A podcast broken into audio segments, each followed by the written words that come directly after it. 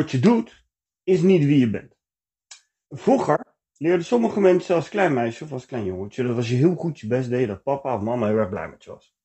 Andere mensen leerden bijvoorbeeld weer dat je extra verwend werd en aandacht kreeg van mama, elke keer als je ziek was. Of in ieder geval liet merken dat je niet lekker was. En er zijn ook mensen die vroeger juist, die leerden juist heel stil zijn vroeger. En vooral niks vragen. Geen aandacht trekken, want dan zijn papa en mama gelukkig niet boos. Zo heb je dus ooit voor jezelf bepaalde besluiten genomen. Als ik dit doe, of als ik dit juist niet doe, dan ben ik goed. Dan houdt men van me. Dan word ik gezien, dan ben ik belangrijk. En veel van die mensen, die hebben nu het gevoel dat ze stilstaan. Dat niks lukt. Dat ze nooit die ene leuke relatie krijgen. Of nooit dat ene, die ene leuke baan krijgen. Of nooit krijgen waar ze gevoelsmatig recht op hebben.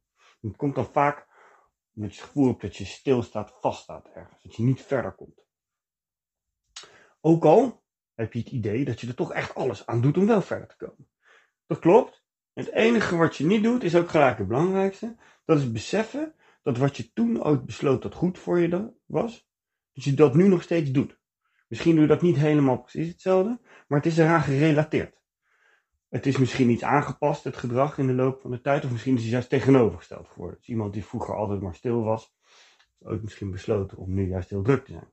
Dat is dan precies dat wat je tegenhoudt. Want je hebt het gevoel, of niet gevoel, je hebt de overtuiging van, kijk, zo ben ik. Ik ben nou eenmaal zo. Nee, zo doe je. Dat zijn ooit, dat, dat is geworteld in bepaalde besluiten die je ooit genomen hebt.